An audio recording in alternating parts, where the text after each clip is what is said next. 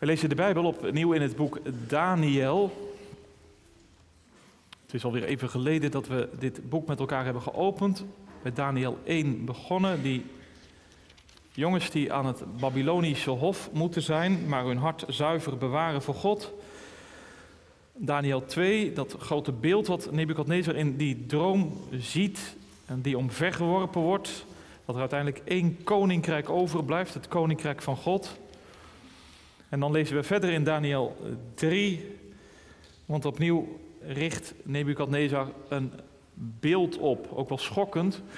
Hij heeft gedroomd over dat een beeld juist ondersteboven gaat, maar deze Nebukadnezar leidt onverbeterlijk en richt een gouden beeld op.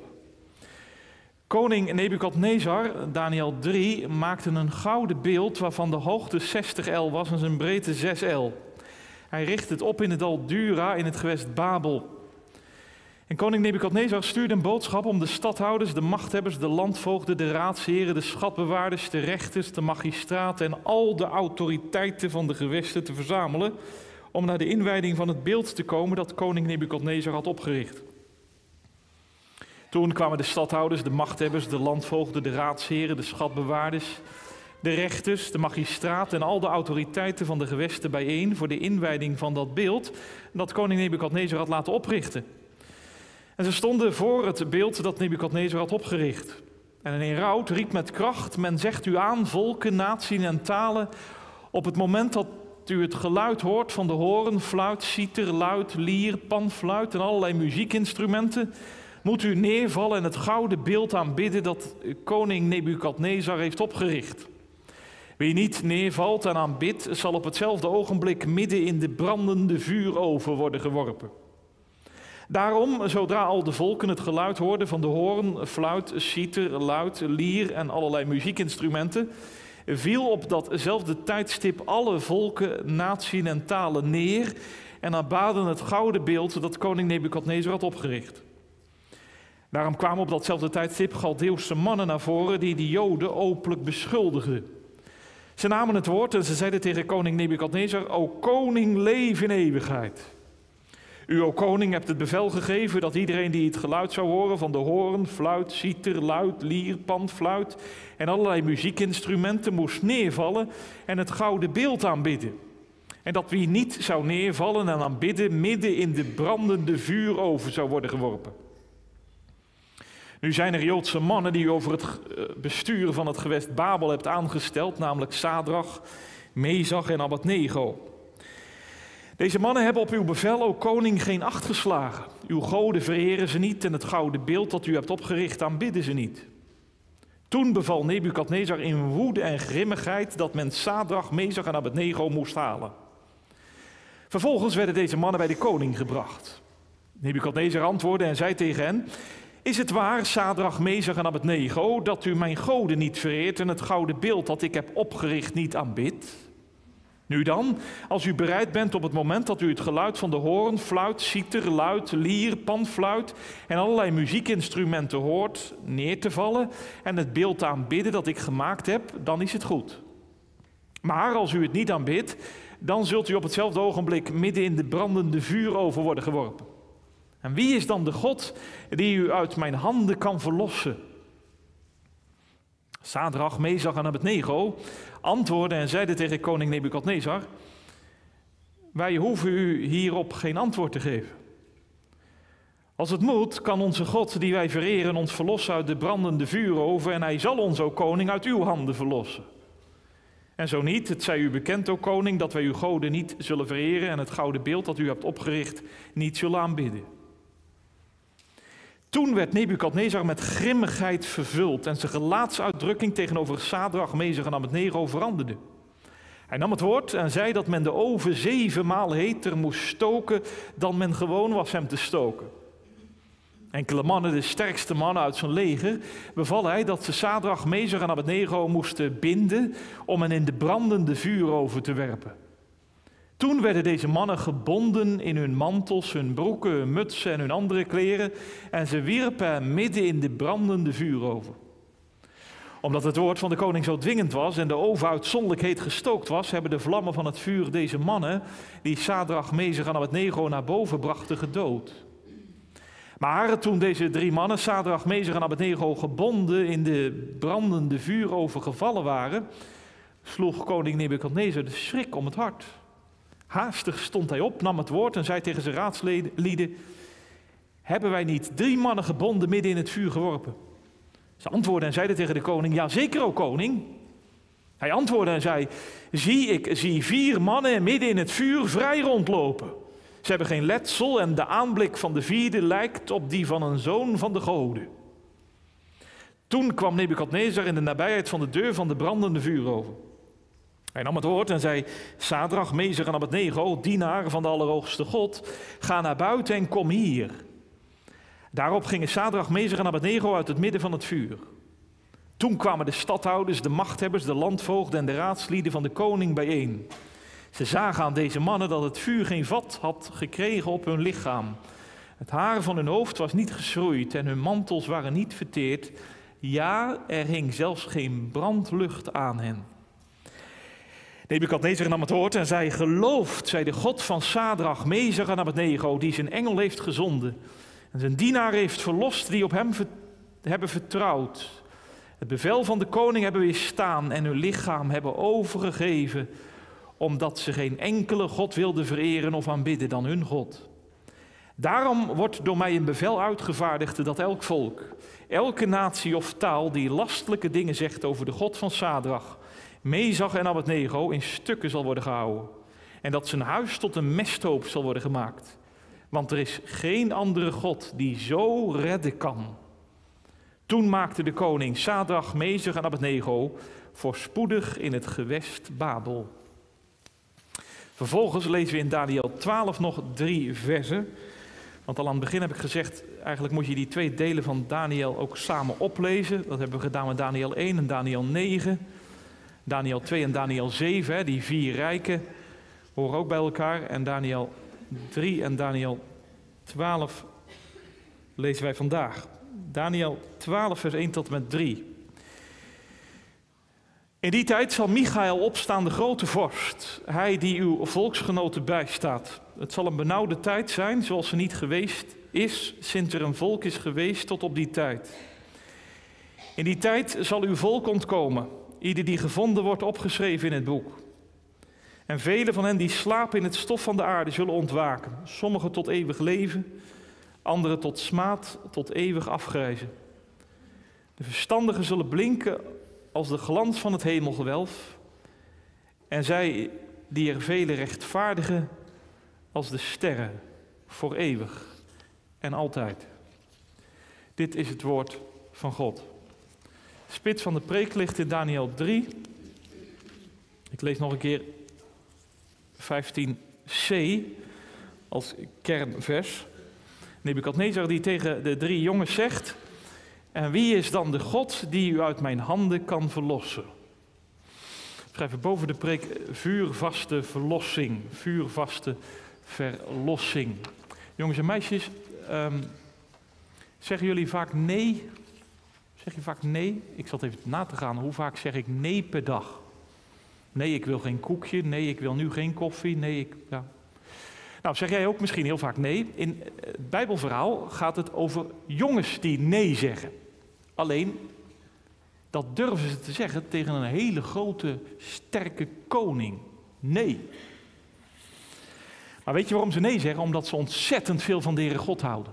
En Heere God zo lief hebben. En ze weten, God is veel sterker dan die koning tegen wie wij nu nee zeggen. En misschien is het wel mooi dat je vandaag met je vader en moeder eens een keer even over praat. Zeggen wij ook tegen dingen nee, omdat we heel veel van de Heere God houden? Zijn er dingen in ons leven waar tegen we nee zeggen, omdat we zeggen wij hebben de Heere God zo lief en wij houden zoveel van de Heere God en daarom zeggen we daar nee tegen? Nou, praat daar vandaag maar eens met je vader en moeder over, want daar gaat het over in de preek.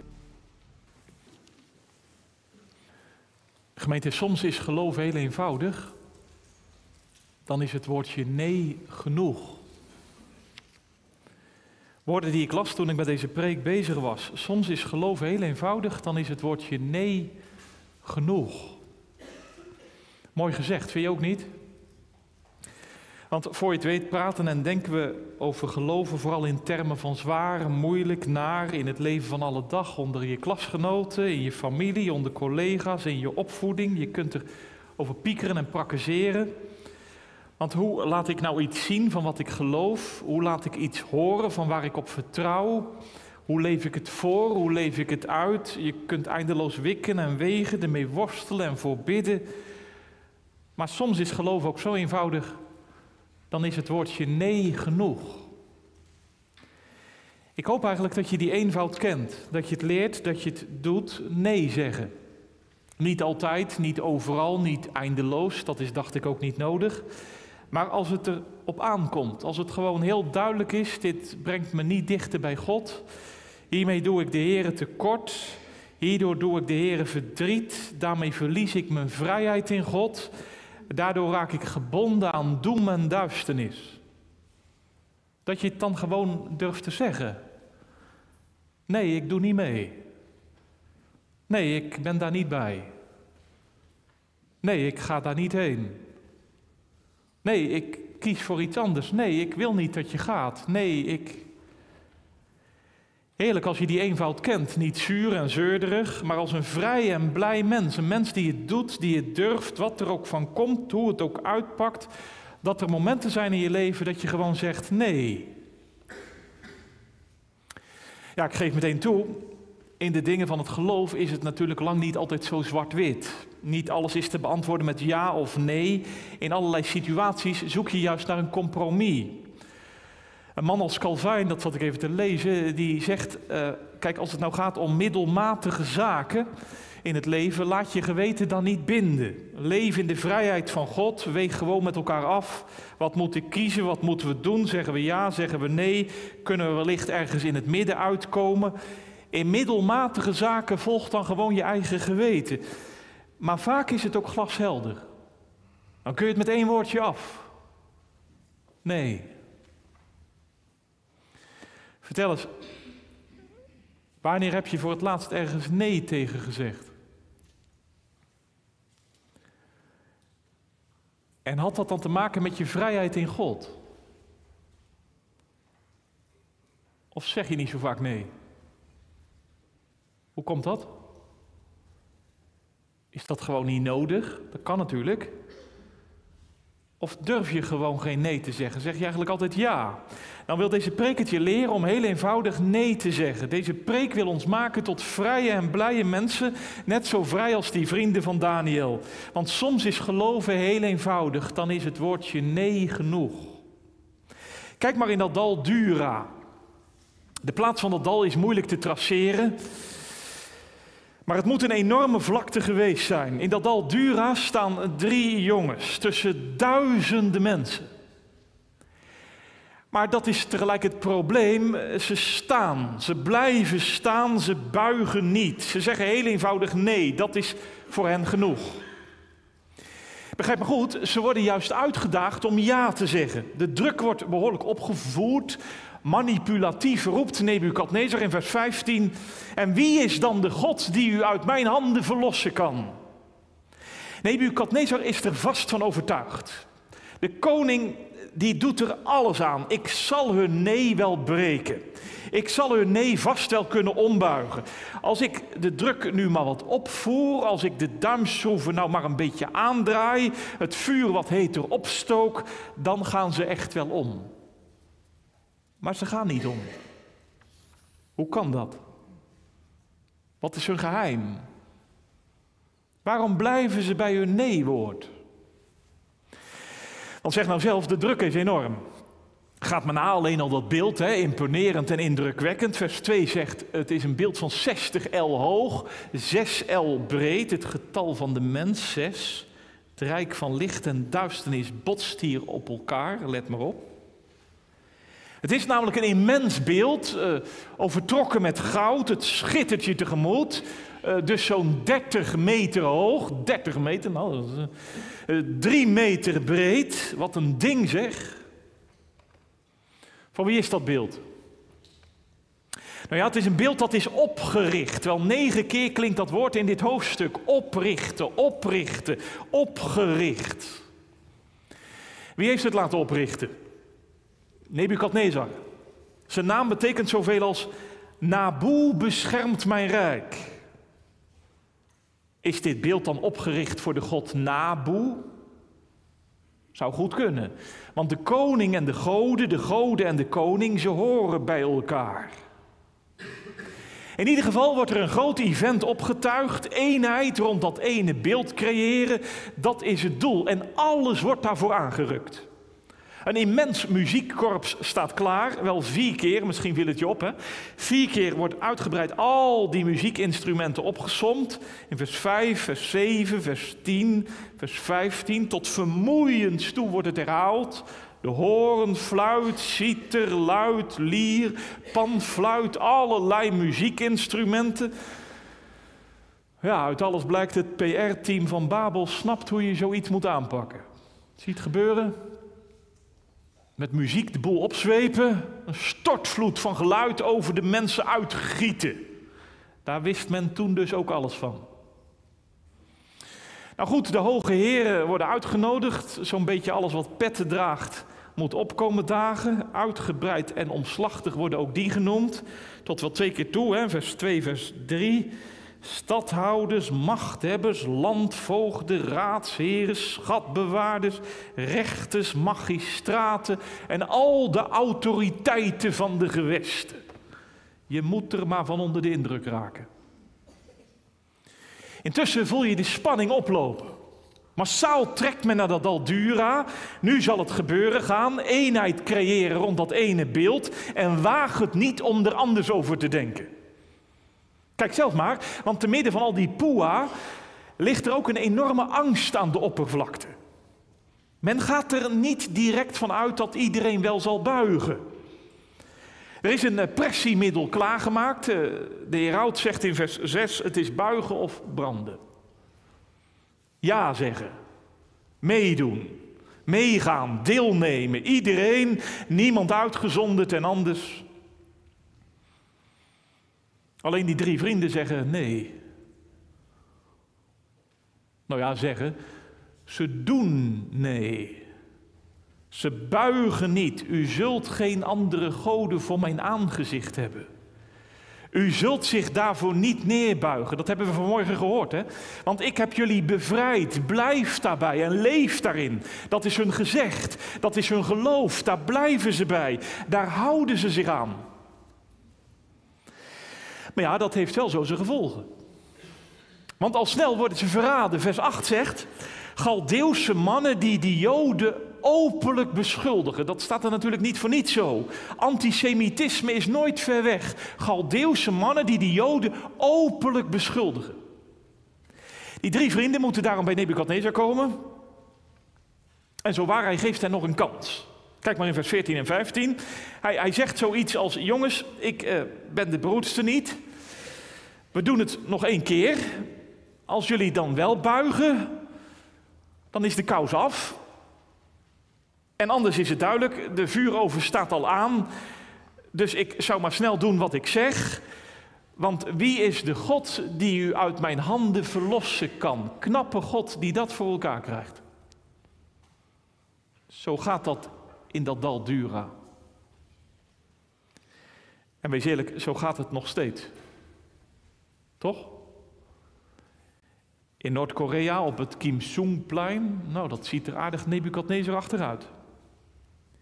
In Iran, in Teheran, in tal van landen. Kijk, in het ene land is het agressiever dan in het andere land, maar het gebeurt. Laten we bidden voor onze broeders en zusters. God houdt hen staande, geef hen de moed van deze drie vrienden. Alleen bij ons dan. Waait dit bij ons in Nederland gewoon over? Want wees eerlijk, wij leven niet in een totalitair regime. Wij zijn eigenlijk zo vrij als een vogel. Alleen ben je ook echt vrij? Leef je ook echt in Gods vrijheid? Want zeg eens, wanneer heb je voor het laatst ergens nee tegen gezegd? En had dat dan te maken met je vrijheid in God? Je vrijheid in God? Ja. Ik bedoel dit, die eh, vrienden, waarom buigen ze niet? Zijn het fanatici? Is het jeugdige overmoed? Waarom geen compromis? Eén keertje buigen. Wat geeft dat nu? Dat zal ik je vertellen. Die drie jongens die zeggen nee, omdat ze vrij zijn en vrij willen blijven. Vrij zijn?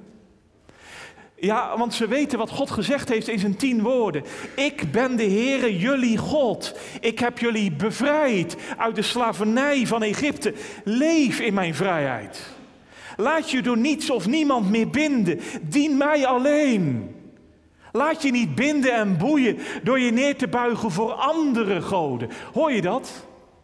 En daarom reageren ze ook zo ontwapenend in vers 16 en 17. Ze zeggen heel eenvoudig: Beste koning, wij hoeven niet eens op uw voorstel in te gaan. Dat voorstel wat u doet om het nog een keer uit te proberen, dat is voor ons echt niet nodig hoor. Want als het moet, kan onze God ons verlossen.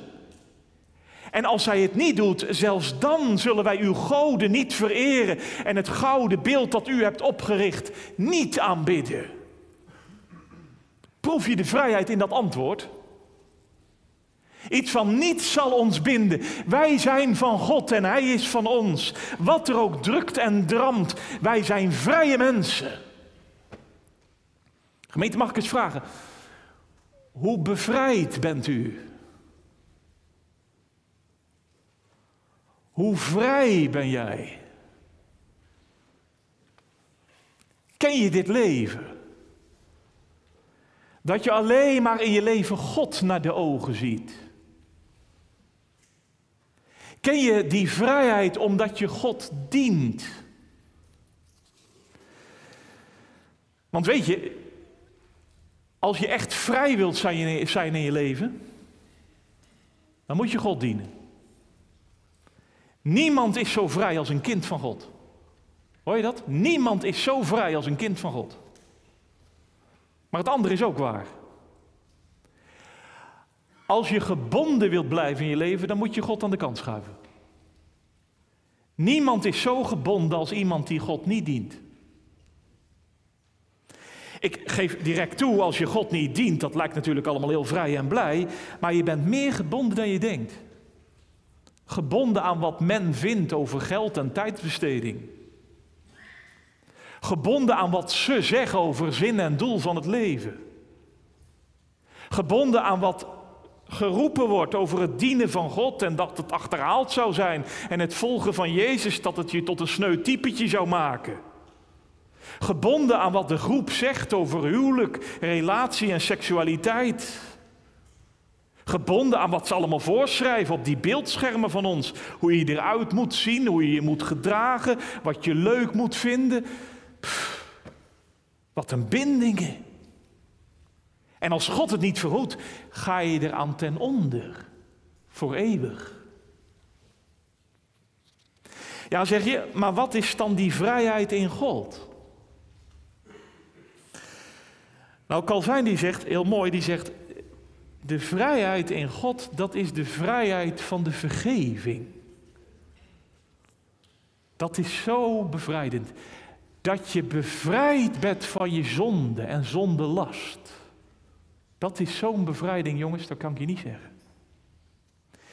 En die vrijheid, zegt Calvijn, dat is de vrijheid van Gods geboden. Maar Gods geboden, dat is niet eh, je mag dit niet en je moet dit. Dat is juist de vrijheid van Gods geboden. Dat je leven mag in de ruimte van Gods wetten en woorden. En dat is zo'n vrije ruimte. Voel je dat aan? Want die drie jongens die weten dus, als wij ons neerbuigen voor dat beeld, dan binden we ons aan die koning en die goden. Dan geven we ons vrije leven met God op. Begrijp je hoe dichtbij dit komt? Want zeg nog eens, hoe bevrijd ben jij? Hoe vrij ben ik? Ja, zeg je, hoe moet ik dat weten? Nou, ik zal een voorstel doen. Dan ga je vandaag nog een keer die tien woorden langs. En dan stel je je bij elk van die tien woorden de vraag: leef ik nou in de vrijheid van die woorden of ben ik gebonden? Laat ik me binden. In de verhouding tot God, hè? Door te buigen voor andere goden en machten? Of is het God alleen en Hij helemaal? In de verhouding tot mijn naaste, in mijn omgang met geld en goed, statie en positie, door toch onzuiver te zijn, binnen en buiten het huwelijk, door vals te spreken over anderen in de gemeente en daarbuiten. Want God zegt in die tien woorden, ik wil je bevrijden. Zo begint het, hè? Ik wil je bevrijden en dat doet hij wis en waarachtig.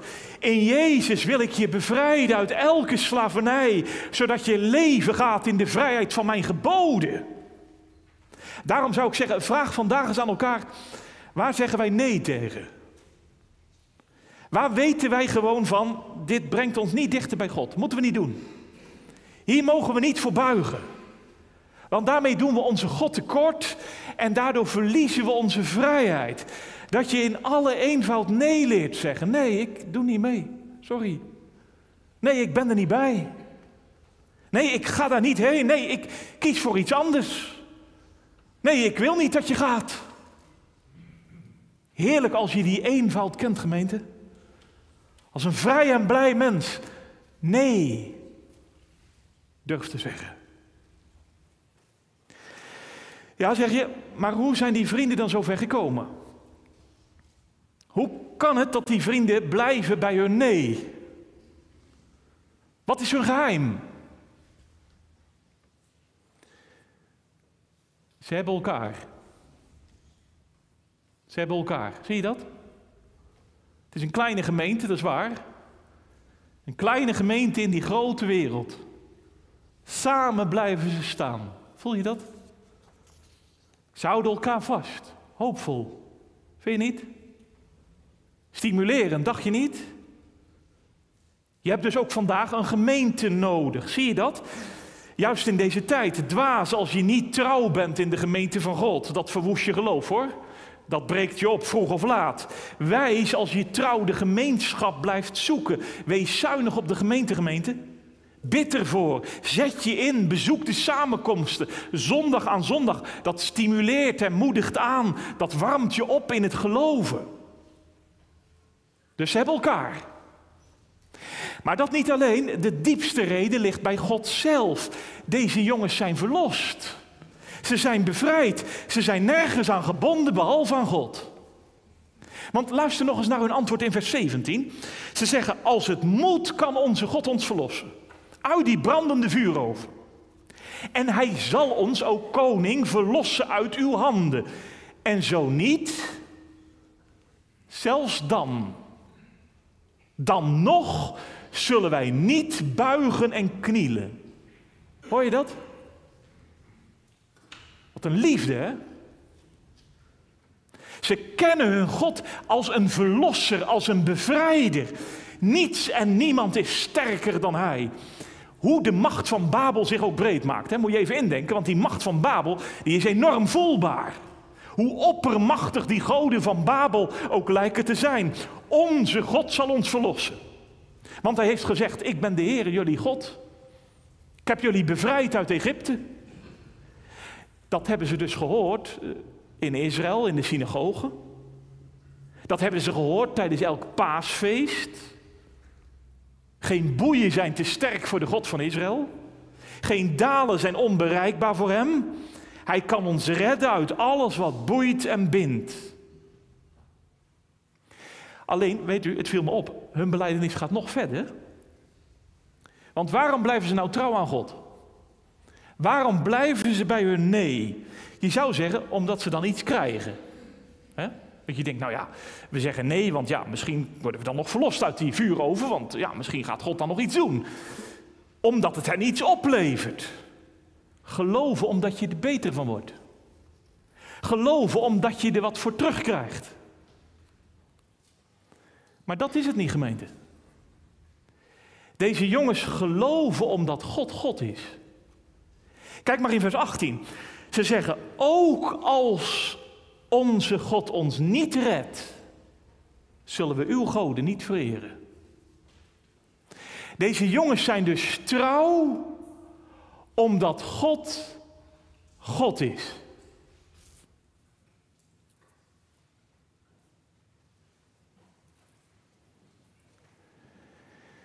Deze jongens zijn trouw omdat God God is.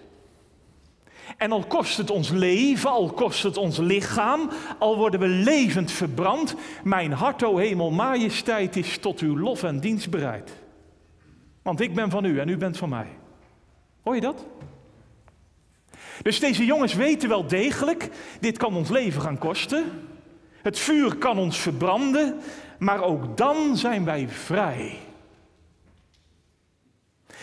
Nee, het geheim van dat antwoord ligt niet bij de jongens, maar ligt bij God. De God die heeft zich laten kennen. Hè? Eh, toen ze het hoorden van de priester op de zaterdagschool. Dat God afdaalde om zijn volk te bevrijden uit de slavernij van Egypte. En elk jaar is het gevierd. Hun vader heeft het verteld aan de paasmaaltijd. Deze jongens vertrouwen, zo was onze God. En zo kan hij ook nu verlossen. En hij doet het. Zie je dat? Ze gaan de oven in. Zevenmaal heter opgestookt. Ze worden gebonden. Hè? Hun vrijheid wordt helemaal afgenomen. Wel vier keer staat dat woord er. Binden, binden, binden. Maar wacht, kijk. God daalt af. Verlossend en bevrijdend. Nebukadnezar, hij roept in vers 25. Ik zie vier mannen in het vuur rondwandelen. Nee, hij zegt. Ik zie vier mannen vrij. Hoor je het? vrij in het vuur rondwandelen. Want God heeft zijn engel gezonden. Al ga je door het vuur, geen vlam zal je aansteken. Want ik heb je verlost. Die koning die zo stellig riep in vers 15. Wie is de God die u uit mijn handen verlossen kan? Die koning moet uiteindelijk beleiden in vers 29. Er is geen andere God die zo kan redden. Er is geen andere God die zo kan redden. En gemeente, die God mag ik u vanmorgen weer verkondigen. Deze verlossende en bevrijdende God mag ik u aanwijzen en aanprijzen. Want hoe het zal gaan in ons land, op veel terreinen gaan wissels om. Dat voelen we wel aan, dacht ik. Maar wie leeft in deze vrijheid, die hoeft niet paniekerig te worden. Hoe het ook zal gaan in ons land, wat ook aan vrijheden onder druk komt te staan voor de christelijke gemeente, wat er ook gebeuren zal in ons werelddeel, wat er ook dreigen en drukken gaat, wie leeft in deze vrijheid, die hoeft niet paniekerig te worden. Of ben je gebonden aan wat ze zeggen? Aan wat men vindt? Aan je eigen ding en gedoe? Zit je nog zo vast aan de doem en de duisternis van een leven zonder God en buiten Jezus? Dan mag ik je vanmorgen Hem verkondigen, de God en Vader van Jezus Christus die je wil verlossen. Nee, nee, nee, hij is geen Nebukadnezar hoor. Bij hem zit niet knielen of het vuur in. Bij hem is het niet buigen of branden. Want je zou bijna kunnen denken, ja, is God dan een beetje als Nebukadnezar?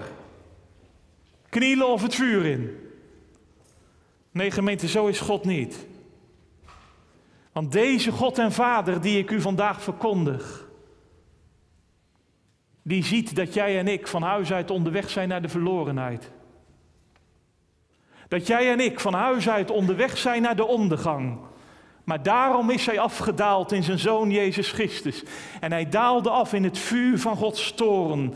Luther zegt, zodat er een bakoven van liefde voor je open gaat. Een bakoven van liefde. En de warme gloed van de genade je vandaag tegemoet stroomt. Om ook jou en mij te behouden en te bevrijden uit zonde en schuld. Van bindingen en machten die je trekken in een afgrond zonder bodem. Gemeente, hij komt ons tegemoet en zijn handen zoeken je vanmorgen om je te verlossen. En dat doet hij steeds weer. Want misschien zit je hier en je weet in je leven van Gods verlossing. Je leeft in de vrijheid van God. Maar de laatste tijd, er zijn dingen in je leven gebeurd. Je belandde in situaties waardoor je je zo gebonden voelt aan dat ene. Waardoor je weer in de macht zit van dat wat sterker is dan jijzelf. En op dit moment worstel je ermee en je knokt en strijdt. Maar wacht nou eens. Want hier in de gemeente van Christus komt Jezus zelf door zijn woord en geest in ons midden. Hij daalt vanmorgen onder ons af en hij zoekt je op. En hij belooft aan jou en aan mij: Ik wil je bevrijden, mijn kind. Ik wil je steeds weer verlossen in je leven. Ik wil je vandaag vullen met mijn liefde en genade. Dat je het leert en kunt om heel eenvoudig nee te zeggen tegen alles wat je bindt. Tegen alles wat je wegtrekt bij het vrije leven van God vandaan. Ik ben met je, mijn kind. Ik ga met je mee. Over elke berg, door elk dal, in elke oven van beproeving, in elk vuur van verzoeking. Want soms is geloven zo eenvoudig. Dan is het woordje nee genoeg. Ja, zeg je, ja, maar die drie vrienden die worden verlost uit het vuur. Hè? Gebeurt dat vandaag dan nog? Ik weet genoeg andere verhalen te vertellen. Dat is waar. Ook Daniel weet daarvan. Niet iedereen, niet altijd, niet overal wordt je bevrijd uit het vuur. Lees maar verder in dat boek Daniel, dat hebben we ook gedaan. Tijden van onderdrukking, tijden van vervolging, gelovigen die de marteldood sterven. Antiochus Epiphanes, 200 voor Christus. Het was een tijd zeg, vele Joden werden gedood en afgeslacht. Maar dan nog gemeente, maar dan nog. Ook dan zijn Gods handen zo nabij. Want, zegt Daniel 12, hij zal waken over het stof van hen die in de aarde zijn gelegd. Hij zal recht doen over alle onrecht. Hij zal wakker zijn over allen die op hem hopen. Soms voor de dood, zoals bij die drie vrienden. Maar als het niet gebeurt, zelfs door de dood. Zelfs door de dood tot in het eeuwige leven. En daarom, gemeente, dat is heel opmerkelijk, is deze geschiedenis meer dan eens afgebeeld en geschilderd op de wanden van de catacomben in Rome. Misschien heb je het wel eens gezien. Deze geschiedenis heeft de eerste christengemeente zoveel moed gegeven. Want ze wisten vanuit deze geschiedenis, zelfs als we de arena worden ingestuurd om te vechten met de leeuwen, zelfs als we worden gebruikt om als fakkels te branden tijdens de feesten van de keizers in de paleistuinen, zelfs dan is onze God erbij. In zijn zoon Jezus Christus. Want hij hing in de vuuroven van Golgotha maar hij is niet verteerd. In hem vallen de touwen van onze handen en zijn we bevrijd tot in het eeuwige leven. En zo gaat het nog. Zo gaat het nog. Ik las over Helen Berhane, een zangeres uit Eritrea. Ze zat gevangen vanwege haar geloof in Jezus. Het was een soort zeecontainer waarin ze gevangen zat. Overdag stond de brandende zon op die container, was het snikheet en s'nachts was het ijskoud. Ze zat daar samen met 19 andere vrouwen. Wat doe je dan? Op de deur bonzen, schreeuwen, huilen? Was Helen boos? Was ze verdrietig? Nou, soms had ze het enorm moeilijk. Was ze uitgeput en vol verdriet. Maar weet je wat ze dan deed? Zingen. Helen zong over Jezus in die zeecontainer. En weet je wat ze zei toen ze later vrij kwam? Als ik over Jezus zong, dan kreeg ik nieuwe kracht. Dan gaf de Heilige Geest me op dat moment zoveel blijdschap. En dan voelde ik me zo vrij. Opmerkelijk, hè? Dan voelde ik me zo vrij. Ook al zat ik gevangen. Apart, hè? Gemeente, zo wil ik de preek maar eindigen. Wij danken God vandaag dat we in vrijheid in ons land ons geloof mogen beleiden. Maar vergis je niet, ook vandaag kan heel veel je binden en boeien. Wegtrekken bij het vrije leven van God vandaan. Daarom gemeente, ga zo de week en wereld in. Zing van Jezus. Lees van Hem. Bid tot Hem. Zodat ook jij zult zeggen in deze week. Als ik over Jezus zing, dan krijg ik nieuwe kracht. Dan geeft de Heilige Geest me zoveel blijdschap. Dan voel ik me zo vrij. Want gemeente, er is geen andere God die zo verlossen en bevrijden kan als Hij. Amen.